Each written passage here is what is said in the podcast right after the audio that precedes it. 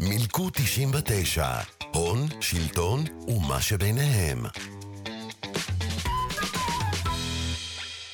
כרגע אף אחד לא עוסק בזה.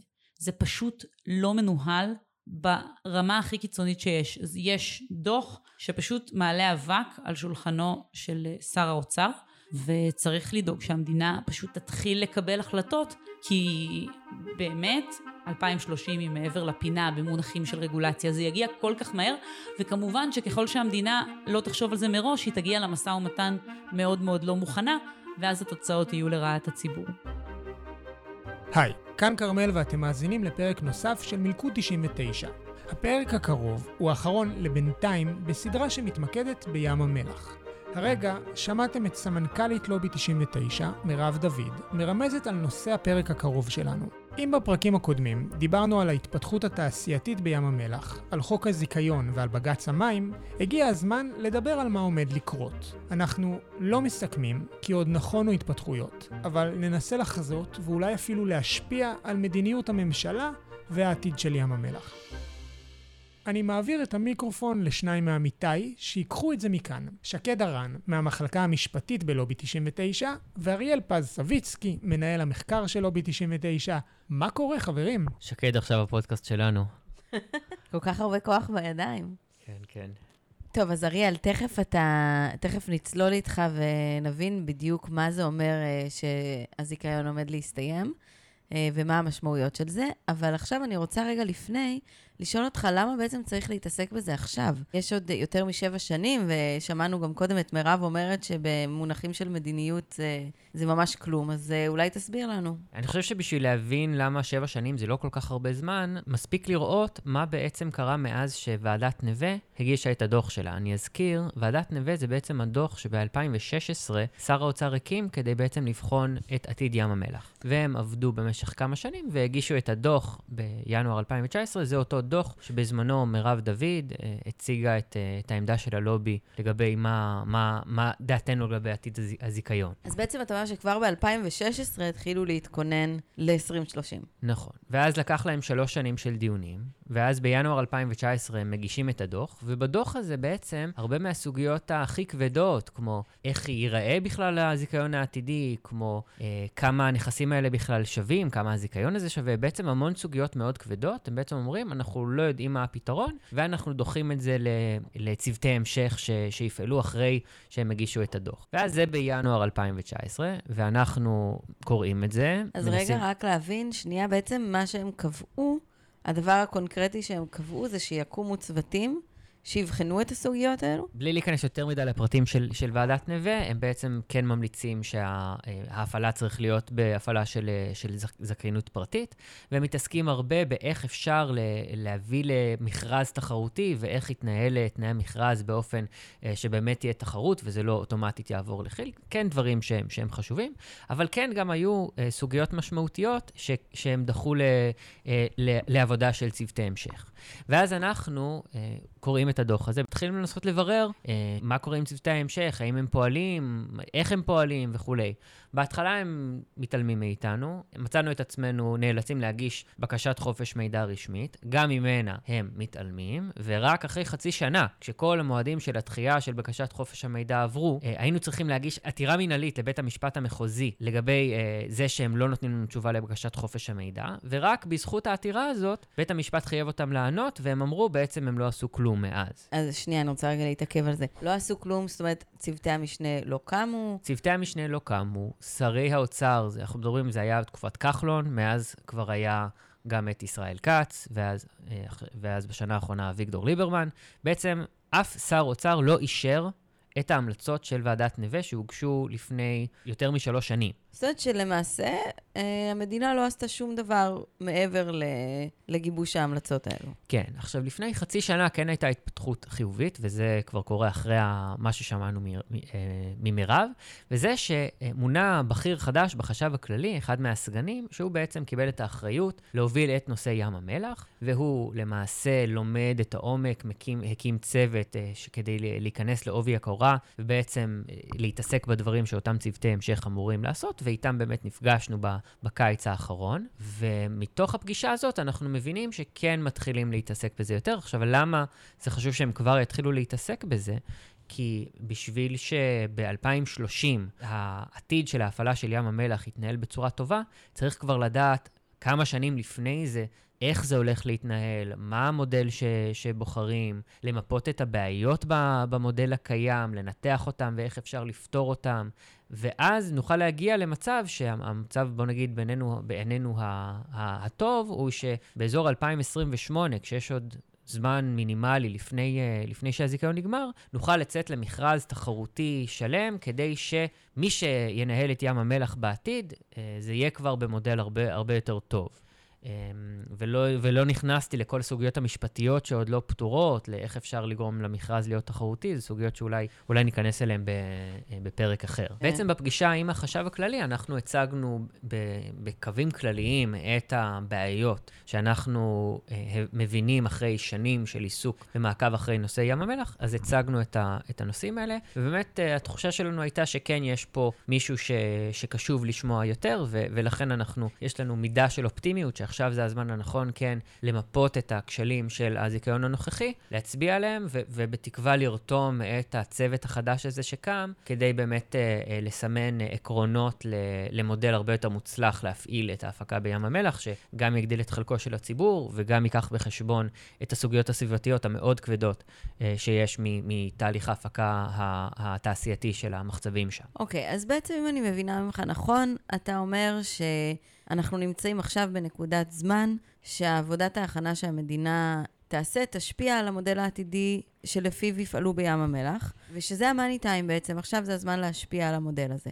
נכון. אז זה, זה היה בכללי. עכשיו, אולי תספר לנו קצת יותר באופן קונקרטי, מה הסוגיות המרכזיות שבעצם, ש, שצריך לפתור אותן או לדון בהן. אחלה. אז בעצם מה, ש, מה שאני רוצה שנדבר בפרק הזה, זה על שתיים מהסוגיות הכי, אה, אולי הכי כבדות מבחינה, מבחינת ההשלכות הכלכליות והסביבתיות שלהן. אחד, זה כל עולם המיסוי, בעצם האם אה, המדינה מקבלת את החלק הראוי ברווחי אה, ים המלח. והחלק השני הוא החלק של הפסולת התעשייתית שנוצרת מתהליך ההפקה, מה שלעיתים מכונה קציר המלח. אז נתחיל מהסיפור של חלק המדינה ברווחים. אז נתחיל מזה שבבסיס כל השיח הזה צריך אה, לזכור שמי שבעל המשאב, מי שהנכס שייך לו, זה הציבור, זה המדינה. מדובר בנכס של המדינה, והסיבה שיוצאים לזיכיון ו- ומביאים איזשהו גורם חיצוני שיפעיל את כל תהליך ההפקה, זה uh, כדי בעצם שהזכיין יעשה את העבודה ויחלק את הרווחים בינו לבין המדינה. אבל אין, אין שום זכות קיום לזיכיון בלי שהמדינה מקבלת חלק ראוי ברווחים. ואם אנחנו מסתכלים בהשוואה עולמית, אז המקובל בעולם, מבחינת החלק של המדינה ברווחים של משאבי טבע, הוא נע בין 60 ל-80 אחוזים. זה לא אני אומר, זה אומרים ה-OECD, זה אומר ועדת שישינסקי, שבחן את הנושא גם אה, של הנפט והגז וגם את הנושא של ים המלח, זה הסטנדרט העולמי. ואם הזכרתי את ועדת שישינסקי, אז הוא בעצם, הוא באמת בחן את הנושא ב-2014, וראה שבים המלח המצב רחוק מהסטנדרט העולמי, המדינה מקבלת רק כ-23 אחוזים מהרווחים של ים המלח. כלומר, הרבה פחות מהסטנדרט העולמי. 23 אחוזים, זה אומר בעצם מכל המקורות השונים שמחייבים את כי"ל להעביר כסף למדינה, תמלוגים, שישינסקי, מיסוי חברות רגיל, כן. זה בעת, הכוונה? נכון. בעצם, כשאומרים החלק המדינה, הכוונה ברווחים, שזה אומר, אה, אתה, יש את כל מה שאתה מוכר, ההכנסות שלך, ואז מזה אתה מנקה את עלות ההפעלה, כמה אני, אה, עולה לי לשכור את כל העובדים ולרכוש, ו, ולתחזק את כל, את, כל ה, את כל הנכסים, אה, וכמובן יש עוד כל מיני מרכיבים אה, חשבונאיים, פחת, אה, סוגיות מימוניות וכולי, ואז בעצם זה הרווח, עוגת הרווח, ואז כמה שילך למדינה זה החלק של המדינה, וכמה שילך לזכיין זה החלק של הזכיין. והחלק של המדינה הוא מורכב ממיסים מסוגים שונים, יש שלל סוגי מיסוי בעולם. בישראל שלושת סוגי המיסוי זה התמלוגים, שזה עקרונית מס שנקבע uh, מההכנסות עצמם, כלומר, מכרתי uh, מיליארד uh, דולר, אם התמלוגים הם חמישה אחוזים, אז זה אמור, אמור להיות 50 מיליון דולר, עוד מעט נסביר למה זה, זה לא באמת המצב. יש את מס החברות, שהוא בעצם כמו כל חברה uh, נקבע, אבל גם שם מס חברות זה uh, מס שיש איתו המון בעיות, כי מדובר בחברה בינלאומית שיכולה להסיט רווחים ממקום למקום, ו- ושם uh, יש בעצם המון מקום למשחק מהצד של כי"ל. והמרכיב האחרון הוא מרכיב של היטל רווחי היתר, שהוא בעצם המס החדש ש, אה, שוועדת שישינסקי הטיל, אה, שבעצם, מה, למה קוראים לו רווחי יתר? בעצם הרעיון הוא שיש את הרווחים הרגילים של, ה, של הפעילות. נגיד אם יש לי תשואה שנתית של 3%, אז זה נגיד עוד בגדר רווח רגיל, אבל הם סימנו גבול שאם הרווחים הם מעל 14% תשואה שנתית, בעצם כל מה שמעל זה מוגדר רווחי יתר, ועל החלק הזה מוטל מס אה, מאוד מאוד גבוה. זה בעצם אה, ועדת שישינסקי, ו- ואחרי זה אה, בדיונים בכנסת של אה, הטמעת אה, ויישום מסקנות שישינסקי בחקיקה, העריכו שהדבר הזה יביא מאות מיליוני שקלים בשנה לציבור. לפעמים אומרים 200 מיליון, לפעמים אומרים 400 מיליון, אבל מדובר בסכומים גדולים. אני מבינה שזה לא קרה.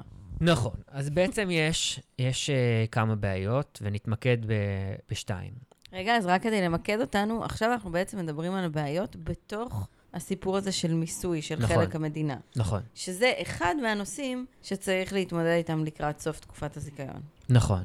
אבל למעשה הוא נושא ליבה, כי הסיבה שעושים, אה, אה, ש, שמפיקים משאב טבע זה בשביל להרוויח, הרי גם ב, בים המלח בכלל זה, בשונה נגיד מה, מהגז, שאנחנו צריכים את הגז לביטחון אנרגטי וכדי להפעיל את כל מערך החשמל של ישראל, רוב המחצבים של ים המלח הם הולכים לייצוא, כלומר, אנחנו נהנים מזה רק אה, דרך הסיפור של המיסוי, או בעיקר דרך, דרך המיסוי.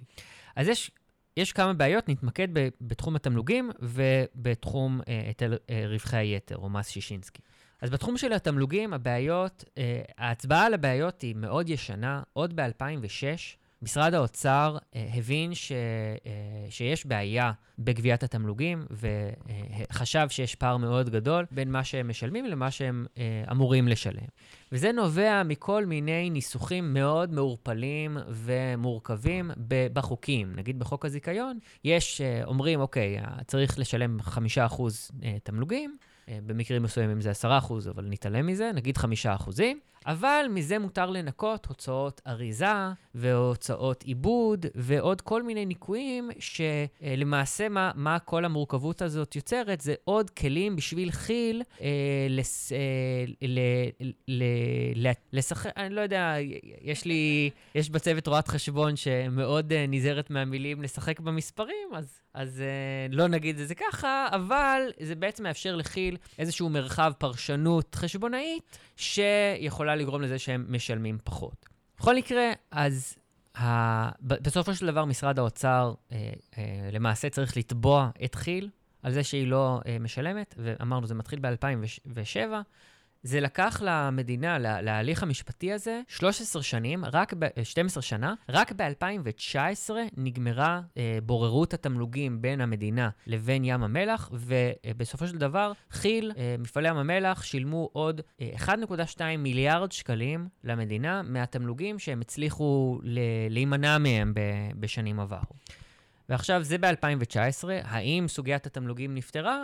לצערי לא, כי אני מסתכל על, על, על הנתונים בשנים האחרונות, ואני רואה שלמרות שכתוב בחוק שהם ישלמו תמלוגים של חמישה אחוזים, ולמרות שגם ועדת שישינסקי אמרה, צריך לפשט את הנוסח ושלא יהיו להם את כל המקומות האלה של, אה, של לנסות להפחית את, התשלום, בפועל, הסכום התמלוג הממוצע שהם משלמים כל שנה הוא 2.8 אחוז. כלומר, במקום החמישה אחוז שכל המחוקקים אה, ציפו לקבל, ושגם ועדת שישינסקי המליץ, בפועל כי"ל עדיין משלמים בערך חצי ממה, ש, ממה שהיינו מצפים. ולכן, אה, מבחינתנו, הסוגיה של התמלוגים היא, היא עדיין פתוחה ו, ודורשת, אה, ודורשת ברור מעמיק. הבעיה השנייה, באותו מס מיוחד, מה, היטל שישינסקי, היטל לרווחי היתר, שאמור היה להכניס את, ה, את המאות מיליונים. אז הוא היה אמור להכניס את המאות מיליונים, המס אה, חל החל מ-2016, עובר את 2016, עובר 2017. עד 2022 אנחנו הגענו, והם לא שילמו שקל במס שישינסקי. ואנחנו בכל השנים האלה אה, נפגשים עם רשות המיסים, יוזמים דיונים בכנסת, מנסים להבין מה קורה. עכשיו, רשות המיסים זה גוף שהסודיות אה, הוא, הוא הערך העליון שלהם. אה, לשמור על הנישומים אה, ב, ועל הסודיות שלהם, זה, זה הדבר שהכי חשוב ל, לרשות המיסים, ומאוד מאוד לא שיתפו פעולה עם המאמצים שלנו להבין מה, מה קורה. אנחנו כן אבל הבנו בגדול שהסכסוך הוא על איזשהו נוסח, על איך בעצם מודדים מה שווי הנכסים. כי אם אמרנו שרווחי יתר זה מעל 14% תשואה משווי הנכסים, אז שווי הנכסים הוא בעצם הנתון הקריטי ש, שמשפיע על האם כן או לא ישלמו מס. אז בסופו של דבר הגיעו לאורך השנים, אה, אה, אה, כי"ל טענה שהיא לא צריכה לשלם, אבל היא תמיד אמרה כמה היא תשלם אם אה, העמדה שלה לא תתקבל, ונגיד אה, בין 2016 ל-2020 היא אמרה שהיא מעריכה שהיא תהיה חייבת לשלם 185 מיליון דולר, ואז אנחנו מגיעים לפשרה שהכריזו עליה בקיץ 2022, ב, אה, לפני כמה, אה, כמה חודשים, ובעצם על אותם שנים הכי"ל חויבה ב-124 מיליון דולר. כלומר, כי"ל עצמה אמרה שיכול להיות שהיא תצטרך לשלם 185, בפועל שילמה בערך שני שליש מזה. עכשיו, האם זה מספיק? האם זה המספר הנכון? האם רשות המיסים עמדה על המשמר בצורה המספקת כדי להבטיח את חלקו של הציבור?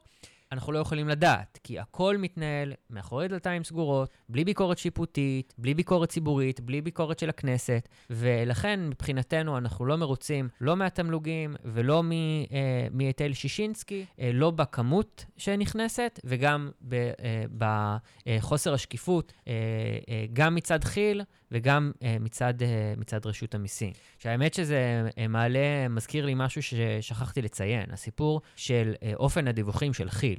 כי אני הייתי מצפה, אם אני uh, לצורך העניין הייתי המ, הממשלה, הייתי מצפה לקבל דיווח, הנה, קיבלת זיכיון ים המלח, ככה הפקתי מים המלח, ככה מכרתי מים המלח, וזה כמה אני משלם לך. למעשה כי"ל עושה, מדווחת באופן שלא מאפשר לנו לדעת האם אנחנו מקבלים את החלק הראוי כי בעצם אה, היא לא מדווחת, זה מה שהפקנו מים המלח. היא אומרת, זה מה שהפקנו ממגזר האשלג. מה זה מגזר האשלג? יש את האשלג בישראל, ויש להם גם אשלג בספרד, ומערבבים את זה. עכשיו, זה, המשמעות של זה הוא, היא שאני כגורם שרוצה אה, אה, אה, לבדוק האם הציבור מקבל את חלקו, אני לא יכול. כי הם מתארים את זה בצורה שמערבבת בין נכסים ולא מאפשרת בקרה ראויה על אותו זיכיון ים המלח. אוקיי, okay, אז בעצם אתה מתאר פה בעיות שנראות מאוד מאוד חמורות אה, בהווה, בהתנהלות של כי"ל, בעבר ובהווה. איך אתה מחבר את זה עכשיו לזה שהזיכיון עומד להסתיים? זאת אומרת, מה... המדינה יכולה לעשות היום בצורה קונקרטית, שימנע מבעיות כאלו לחזור על עצמן, או, ש, או שייתן מענה למה שאתה מציג? אז אין לנו כרגע, יש לנו המון מחשבות, אבל אין לנו עדיין אה, איזשהו, איזושהי הצעה ספציפית לאיך המודל, מה המודל הנכון והמדויק שצריך להיות. אבל כן, אפשר להצביע כבר על כמה עקרונות שהיינו רוצים שיהיו במודל העתידי. בהנחה ש, אה, שעדיין יש גורם פרטי אה, שמקבל את זה, אנחנו כן היינו מצפים שהנוסחאות אה, של המיסוי יהיו הרבה הרבה יותר פשוטות ופחות נתונות למשחקים מצד כי"ל. Uh, לצורך העניין, בדנמרק יש מס של 52%, מס דלקים שמוטל על כל משאב נפט וגז. 52% מהרווח, בלי משחקים, בלי קיזוזים ובלי, uh, ובלי כל הדברים שבעצם מאפשרים לכי"ל uh, להפחית, להפחית משמעותית את התשלום. Um, היינו מצפים שיהיה הרבה יותר uh, אחריות ושקיפות ודיווח לציבור. היינו מצפים שפעם בשנה רשות המיסים ובעל הזיכיון יבואו לכנסת, יציגו, ככה הפקנו, ככה שילמנו, ובעצם שהכנסת תוכל והציבור יוכל uh, לאתגר אותם, לשאול שאלות. Uh, אנחנו מצפים ל-accountability, זאת אומרת, uh, יש יעד של בין 60 ל-80 אחוז חלק של המדינה, זה מה שאני uh, חושב שאפשר לצפות. אז אני מצפה שמי שמקבל את הזיכיון והרגולטורים שמפקחים עליהם, הם ייתנו דין וחשבון לציבור על זה שהם באמת עושים את מה שצר... מה... כל מה שהם יכולים כדי להגיע לאותו, לאותו יעד. טוב, בסך הכל בהצעות פשוטות. אולי עכשיו אנחנו נתקדם ותגיד לנו על עוד כמה כשלים אה, שיש, אה, כשלים ומשוכות שעומדים אה, בפנינו לקראת תום הזיכיון? טוב, אז בעצם הנושא השני המאוד אה, גדול ומשמעותי שבעינינו חשוב, אה, חשוב לפתור אותו, הוא סוגיית הפסולת התעשייתית. בכל תעשייה נוצרת פסולת. במקרה של ים המלח, הפסולת שנוצרת היא פסולת מלח. בעצם אה, תהליך ההפקה בים המלח הוא, הוא תהליך ייחודי של אידוי. בעצם מזרימים מים מים המלח הצפוני דרומה, ואז הוא עובר אה, רצף של בריכות אידוי, שבסופו של דבר אה, מפיקות את המחצב היקר בצורה מאוד מאוד יעילה, ונוצר, במסגרת התהליך, נוצר, נוצרת שכבה של מלח בבריכה הצפונית, בריכת האידוי הצפונית. זאת בעצם הבריכה שעל גדותיה נמצ, נמצאים כל המלונות של, של ים המלח, ובעצם כל שנה מצטבר שכבה של מלח בגובה של אה, בערך 20 סנטימטר בקרקעית אותה בריכה, וצריך לקצור את המלח הזה ולהיפטר ממנו. זה דבר ש, שמאז אה, שמפיקים זאת, אה, זאת בעיה. עכשיו, בעבר היו בעצם אה, זורקים את המלח בכל מיני סוללות מסביב לבריכות, אבל הבינו שזה פתרון ש, שהוא רק פתרון זמני, ושצריך לעשות את אה, אה, פתרון יותר משמעותי. המדינה ו, וכי"ל ניהלו משא ומתן לאורך כמה שנים, וב-2012 חתמו על הסכם קציר המלח, שהוא בעצם היה ההסכם ששרטט איך מפעלי ים המלח צריכים לטפל בפסולת התעשייתית שלהם. ההסכם הזה הוא די מפורט, הוא בעצם מסביר שצריך להקים מערך של אה, אה, מחפרים, זה באנגלית נקרא דרג'רים, שהם בעצם אה, קוצרים את המלח מאותה בריכה, לבנות מסוע שיניע את המלח צפונה. עד איזושהי נקודה אה, בים המלח הצפוני, ושם בעצם צריך להיות מערך שייקח את המלח, יביא אותו לאמצע הים הצפוני וישפוך אותו שם. זה בעצם הפתרון המלא שרצו, אה, שרצו ש, שיקרה. ולא רק שאומרים שזה ההסכם, גם אה, אה, מסכמים מה חלוקת העלות. אומרים 80% מהעלות צריך להיות על מפעלי ים המלח, על כי"ל, ו-20% מהעלות צריך להיות על המדינה. שזה בגדול יישום די, די טוב של העיקרון של המזהם משלם. אתם המפיק, אתם יוצרים את הפסולת התעשייתית, לכן uh, it is only uh, rational שאתם תהיו מי שמטפל בפסולת. אלא שבפועל, מאז 2012, בעשר שנים מאז שהם, שהם חתמו על הסכם קציר, uh, קציר המלח, אפשר להגיד שהם עושים הכל כדי לדחות את היישום של אותו הסכם קציר המלח המלא. אז זה התחיל מזה שהם מרחיבים את הבריכה, ואז הם אה, יכולים אה, לקצור פחות. זה ממשיך בזה שהם התחילו לשפוך את המלח בכל פינה אפשרית שהם יכולים. Uh, בעצם הם שופכים את המלח בכל מקום שהם יכולים, בלי לעשות את כל ההשקעות המסיביות של, של כל הסכם קציר המלח המלא. ובעצם רק בדצמבר 2020 הם הפעילו את אותו דרג'ר הראשון, מה שב-2017 כבר היו אמורים להיות לפחות שלושה דרג'רים, אז רק ב-2020 הם הפעילו את הראשון, אה, שקוצר את המלח ב, אה, באותה בריכה ו, ו, ו, ומתחיל להניע אותה. ובעצם בשנים, אה, בשנים האחרונות הם שופכים את המלח במקום שנקרא מפרץ אשלים, זה איזושהי פינה בדרום ים המלח הצפוני. שם הם שופכים את זה באופן שלמעשה הם מכסים אזור מאוד גדול במלח, ו... וזה פתרון שיכול להספיק ל... אה, לעוד כמה שנים. עכשיו, מה המשמעות של הדחייה הזאת? קודם כל, אה, הם מאוד מקשים על הזכיין העתידי, כי הם, הם בעצם עושים את המינימום האפשרי אה, בטיפול בפסולת, ואז מי שיקבל את הזיכיון ב-2030, כל האחריות נופלת עליו. אז זה כבר איזושהי דחייה שמקלה עליהם ומקשה על, על הזכיין העתידי, וגם על המדינה שרוצה לקבל את התמורה הכי טובה על, על זכות ההפקה בעתיד. בעצם היא פוגעת בערך של כל המשאב הזה, נכון? כי נכון. היא, היא מחצינה את העלויות של הטיפול בפסולת על מי שיבוא אחריה. נכון. ועוד עניין זה, אה, את המשפטנית, אז את כנראה אה, מבינה בזה יותר, אבל יש את סעיף 24 לשטר הזיכיון, שהוא בעצם אומר שהמדינה אה, תשלם לבעל הזיכיון על שווי הנכסים אה, ש, שנשארים. נגיד לצורך העניין, ב-2030 המדינה מחליטה, אה, אני בינתיים אה, לא נותנת את הזיכיון הזה לאף אחד, אז בעצם כי"ל תקבל פיצוי על כל המפעלים שהיא הקימה שם, נגיד הם שווים 4 מיליארד שקלים, אז היא תקבל 4 מיליארד שקלים. אז אם לצורך העניין, הם היו אמורים להקים את כל המערך הזה ב-2015, אוקיי? 2015-2016, מערך ששווה מיליארדים. ובמקום להקים אותו ב-2015, הם מקימים אותו ב-2025, אז כל הפחת של העשר שנים האלה, שהיה אמור לרדת משווי הנכסים, זה משהו שהמדינה תצטרך לשלם. אז זה עוד מיליארדים שהמדינה תצטרך לשלם לכי"ל בסוף הזיכיון. כן, זה נראה שגם זאת הסיבה שבאותו סעיף... אה, יש הגבלה על בעל הזיכיון בעצם מלרכוש, אה, מ- מלעשות השקעות חדשות בעשר השנים האחרונות. כן, אבל ההגבלה הזאת היא לא הגבלה מוחלטת, היא רק אומרת שהמדינה צריכה לאשר. נכון. וברור שהמדינה. לא תעצור אותם מלעשות את אה, ההשקעות הנדרשות בשביל קציר המלח. זה פשוט כן. אומר שחלוקת העלות, אם זה היה אמור להיות 80-20, אז זה יהיה נגיד במקרה הטוב 50-50. ופה זה מביא אותנו לנקודה האחרונה של היום, וזה הסיפור של סדום הירוקה. מה זה סדום הירוקה? מי שעוקב אחרי uh, הפרסומים של כי"ל בשנה האחרונה, רואה מדגישים מאוד את האנרגיות המתחדשות, את זה שהם uh, uh, חברה שרוצה להיות יותר ירוקה, שהם מעבירים את כל ההפקה שלהם להפקה מתחדשת ומפחיתים את הפגיעה שלהם באקלים, שזה כמובן דבר ש, שקשה להתנגד לו. ואחד הפרויקטים הגדולים שהם מקדמים באותו נושא, פרויקט בשם סדום הירוקה, זה בעצם לקחת אזור שהוא בין הבריכה הצפונית של אה, בריכות האידוי, אה, אותה בריכה שבה צריך לעשות את הקציר, לבין ים המלח הצפוני. והם רוצים לקחת שטח עצום של עשרת אלפים דונם ולהקים בו שדה סולארי. עד כאן אפשר להגיד אה, משהו שהוא, שהוא סביר.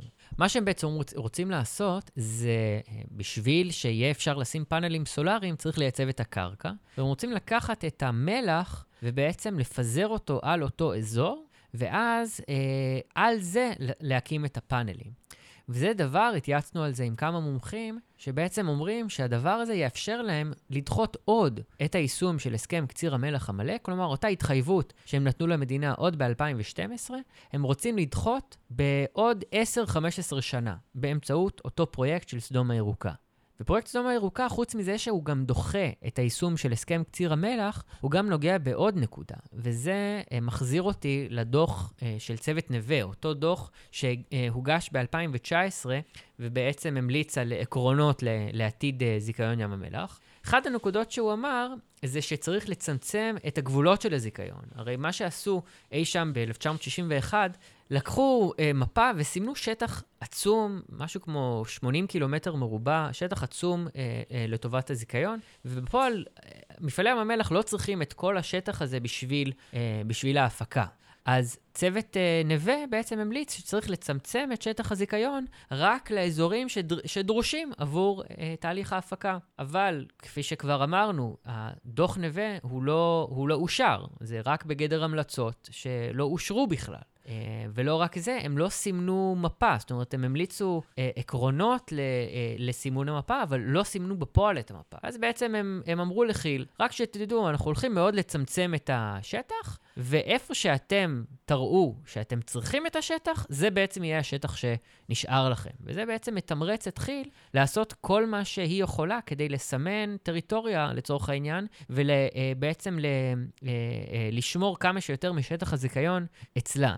וזה עוד, אני לא יודע, אני קטונתי מלהגיד שזה היעד של כי"ל כשהיא מקימה את אותו אה, אה, שדה סולארי גדול, אבל זה כן חלק מההשלכות של הפרויקט הזה, הם בעצם לוקחים אזור שבסבירות לא קטנה אה, היה נלקח מהם ב-2030, והם בעצם מסמנים אותו כעדיין אה, חלק, אה, חלק שלהם. אוקיי, נראה לי שעם זה אנחנו נסיים את הפרק וגם את סדרת הפרקים שלנו. אני אודה לשניכם. תודה רבה. תודה רבה. שניכם פה איתנו, וכיף מאוד שבאתם והתארחתם. בהזדמנות זו נגיד תודה גם לדוקטור עינת סולניק, מנהלת המחלקה המשפטית, שלימדה אותנו על התהליך המשפטי שיצאנו אליו עכשיו, בניסיון לחייב את כימיקלים לישראל, מפעלי ים המלח ועידן עופר לשלם את חשבון המים. אנחנו כמובן מחזיקים אצבעות שהדבר הזה יצליח, וגם פועלים כדי שזה יצליח.